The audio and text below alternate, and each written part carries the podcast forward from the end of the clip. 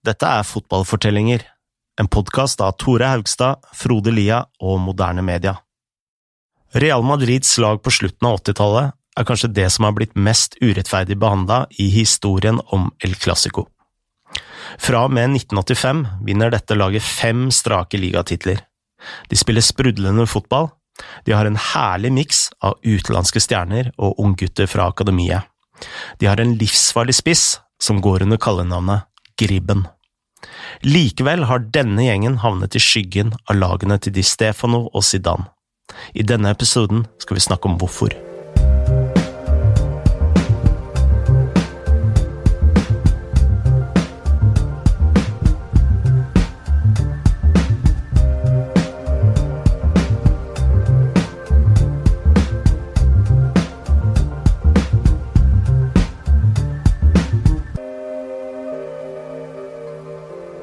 Tore, i forrige episode snakket vi om hvordan Johan Cruyff førte Barcelona til en etterlengtet eh, ligatittel i 1974. Deretter vant Real Madrid fem titler på seks år. Mm.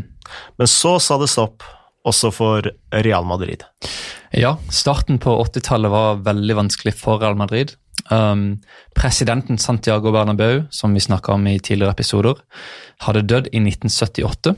Mhm. Og uh, dette førte da til en periode hvor verken Real Madrid eller Barcelona var spesielt gode. Hvem var det som blei uh, bøtteløftere, som det heter uh, da?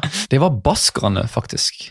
Mellom 1981 og 84 så tok Real Sociedad og Athletic Bilbao to ligatitler hver. Og Da en av de to store endelig slo tilbake, så var det Barcelona under Terry Venables som tok sin første tittel på elleve år. Men eh, innen 1985 så hadde vel også Real Madrid gått fem år uten ligatittel. Mm. Det var vel den lengste tørken siden eh, før Di Stefano sin tid. Ja, det stemmer. Og eh, altså, Real Madrid altså, de var ikke i nærheten heller. Altså, 1985 de kom på femteplass, Oi. 17 poeng bak Barcelona. Dette høres ikke akkurat ut som innledningen til en av de mest suksessfulle periodene i spansk fotball. Nei, A-laget til Real Madrid var virkelig i trøbbel. Men på reservelaget, som heter Castilla, så hadde det skjedd noe helt spesielt. Og det var Nei, altså Helt siden starten av 80-tallet hadde Real Madrid hatt et veldig sterkt reservelag. Og eh, i 1980 var faktisk Castilla så gode at de nådde cupfinalen. i en slags uh, cup for eh, juniorlag, da, eller på en måte? Nei, den, spans altså, den spanske cupen. Så Copa del Rey. Okay, Cupen selve alle de, Den store cupen i Spania. Høres jo litt som om eh, Viking 2 plutselig skulle karre seg til Ullevål. ja, ikke sant? Og altså, Castilla, Castilla de hadde ingen lett trekning heller. Altså, de slo fire lag fra La Liga på vei til finalen. Og hvem møtte de i finalen? Jo, ingen ringere enn sitt eget A-lag. Og den tok vel A-laget, vel. A-laget vant 6-1. Kan man altså si at eh, Real Madrid eh, på en måte tok både første- og andreplassen? Ja, det kan man. Og eh, dette fikk jo spesielle konsekvenser. Um, vinneren av cupen fikk jo en plass i cupundercupen neste sesong. Mm. Men siden A-laget allerede var kvalifisert til Champions League, så gikk reservelaget til cupundercupen. Altså, okay. mens de da spilte i spansk andredivisjon. Det har jeg aldri hørt om. Nei, altså, altså et B-lag som spiller eu- europeisk turnering, det, det skal jo ikke skje. Uh, og riktignok så kom ikke Castilla veldig langt. De tapte i første runde mot Westham. Men bare at de var med i turneringa, sa jo litt om hvor mange gode spillere de hadde. Castilla hadde vel også rykka opp til La Liga, om det var lov? Det hadde de, men uh, til gjengjeld så var det jo åpenbart at mange av disse spillerne kom til å spille på toppnivå ganske snart. Og i 1983 skrev faktisk avisen El País en artikkel om fem spillere fra Castilla som liksom skulle nå A-laget sammen. Og De het Emilio Butragenio, Manolo Sanchez, Martin Vasquez, Michel og Miguel Pardese. Og det var også disse som skulle utgjøre stammen til A-laget de neste årene. Riktig, det var meninga. Hvem var de beste av disse unggutta? Altså, Den store profilen her var Butragueño. Han var en sånn kjapp og elegant spiss, og han fikk kallenavnet El Buitre. Hva betyr det? Det betyr gribben. Og Derfor kom dette storlaget til Real Madrid til å gå inn i historiebøkene som La Quinta del Buitre, gribbens lag. I 1985 har de fem talentene debutert på A-laget til Real Madrid.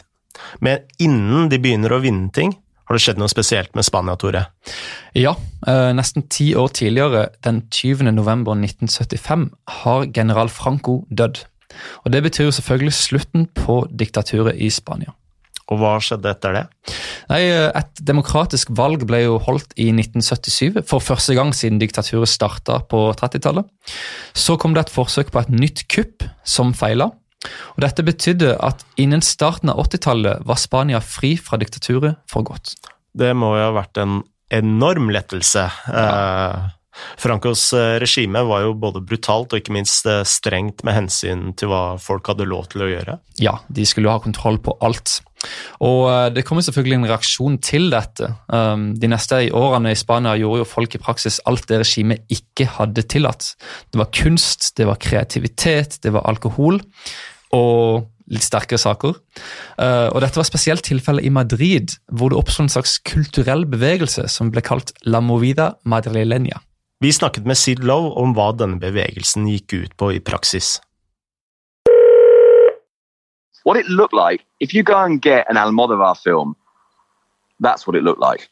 Almodovar's films were essentially, uh, if you like, a caricatured version of what was going on in Madrid. This idea that there was an explosion in creativity, but also in hedonism, in madness, in in in kind of bad behavior, in in in sort of drug taking and, and so on. And this just this idea that and obviously, in, in a way, this is this is kind of a nat- natural response, isn't it? That at the end of a of an authoritarian regime, once those chains are taken off, people then lose their heads for for a while, and, and that this creates a, if you like, a kind of a an explosion of creativity, an explosion of of joy and enjoyment, and this idea that this idea that okay, this is different now, and we're we're trying to prove that it's different. And of course, what also happens is you get a new generation coming through who maybe hasn't lived through the or hasn't in, in the young, case of the sort of 18, 19, 20 year olds hasn't lived through the worst years of, of the regime.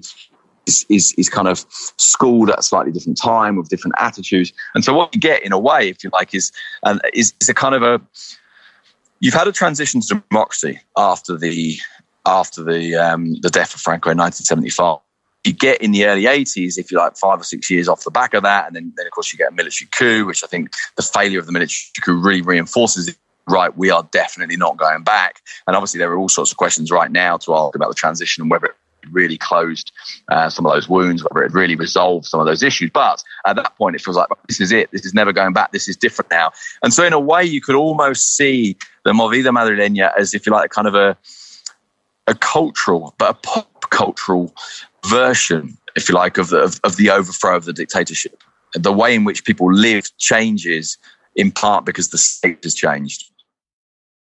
Den kulturelle bevegelsen når sitt høyeste punkt i 1985. Akkurat idet Real Madrids unggutter er i ferd med å slå igjennom på A-laget. De neste fem årene vinner de fem ligatitler. Men det er ikke bare at de vinner, Tore. De vinner med stil. Ja, og det er jo verdt å nevne noen av profilene her. Vi snakka jo om Butragenio. Uh, altså Fyren hadde blå øyne, lyst hår, og i mer enn et tiår i Real Madrid fikk han kun fem gule kort. Vi snakker altså om en spiss som er eh, snill som et lam. Ja, og det er jo ikke noe særlig bra beskrivelse, egentlig.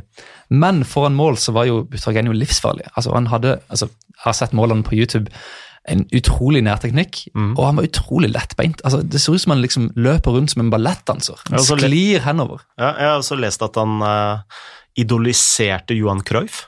Dette var en annen ting. altså Butragenio var ikke noe sånn der eh, win at all costs-type. Altså, Han så fotballen som noe som skulle være underholdende og moro, både for han og for fansen. Han satte faktisk god, god fotball så høyt at liksom, altså det kom over rivaliseringa med Barcelona. Mm. Så du kan tenke, om han så en god spiller, som f.eks. Cruyff, så beundrer han han selv om han spilte for Barcelona. Han spilte vel også med José Valdano en av uh, tidenes uh, store fotballromantikere. Ja, ikke sant. Så der har du et spisspar som liksom sant, de, de, elsker uh, fotball som kunst, nesten. Og denne type fotballen kom jo akkurat da i det La Movida Madrileña nådde sitt høyeste punkt. Og slikt sett da, så kan de jo si at fotballen gjenspeilte den kulturelle bevegelsen i Madrid. Samtidig er det mange som mener at dette var helt tilfeldig. Vi spurte Sid Love om hans mening om akkurat dette. There's, there are there are two fundamental elements I think to to to how this seems to go hand in hand. And obviously, what happens a lot is that things go hand in hand because we perceive them to, even if they don't necessarily. You know, it's perfectly plausible although it feels a little bit implausible in truth. But it is perfectly plausible, I think, that, that, that the Quinta del Buitre, that Real Madrid team, might have emerged in different social circumstances. You know, that in purely footballing terms, it's perfectly plausible that that team could have emerged at a different point, but it didn't. And it does feel like there's a reason why it didn't, and it does feel like it went hand in hand with those changes. So, in, in, in footballing terms, I think there's there's two fundamental elements to to the Quinta del Buitre. One is that this is a this is a team that is that is founded upon kids coming through the youth system. Five of them in particular, although obviously the five is slightly is a slight element of mythology because one of them, part of Death, doesn't really play a huge role. Uh, and also, of course, it wouldn't be entirely true to say it's only these five because some of the key players, certainly later on in the Quinta years, are not part of this. But you get fundamentally a team that's Madrid and youth, and then a team that's very creative. Then a team that, after years of a fairly simplistic approach to football, is now trying to, and this is where it goes hand in hand with this idea of the Movida Madrileña, is now trying to is now trying to get the ball down and play. Is going to be technical. Is going to be good to watch. Is going to be creative. You get someone like Emilio Butragueño who talks even now about football as art and says it's not the same if you just win. Vi har snakket om eh, Butrageno og Valdano. Men Tore, det var vel ikke sånn at Real Madrid kun hadde snille gutter? Nei, de hadde noen fightere også, og uh, kanskje den mest legendariske av disse var jo Juanito, som var en veldig sånn oppofrende type. Um, og Han er kjent for en veldig spesiell episode. I 1985 hadde Real Madrid tapt 2-0 borte mot Inter i Uefa-cupen. Etterpå sa Juanito på gebrokken italiensk at 90 minutter på Santiago Bernabeu er veldig lang tid. Mm. I returkampen vant Real Madrid 3-0, og Juanito da ble dette eksempelet på denne fighterinnstillinga, at man aldri skal gi opp. Så den dag i dag, når Real Madrid virkelig trenger et comeback, så mm. snakker fansen om el espirito de Juanito, altså mentaliteten og liksom innstillinga til Juanito. Skjønner. Hørtes nesten ut som en sånn Makalele-type. Makalele jeg tror han var, jeg tror han var wing, faktisk. Men sant, altså Real Madrid det er mer sånn, det er mer sånn fighterinnstilling enn man skulle tro. sant? Altså, du den største fighteren på laget, han spilte faktisk wing? Ja, han var, ja, det stemmer.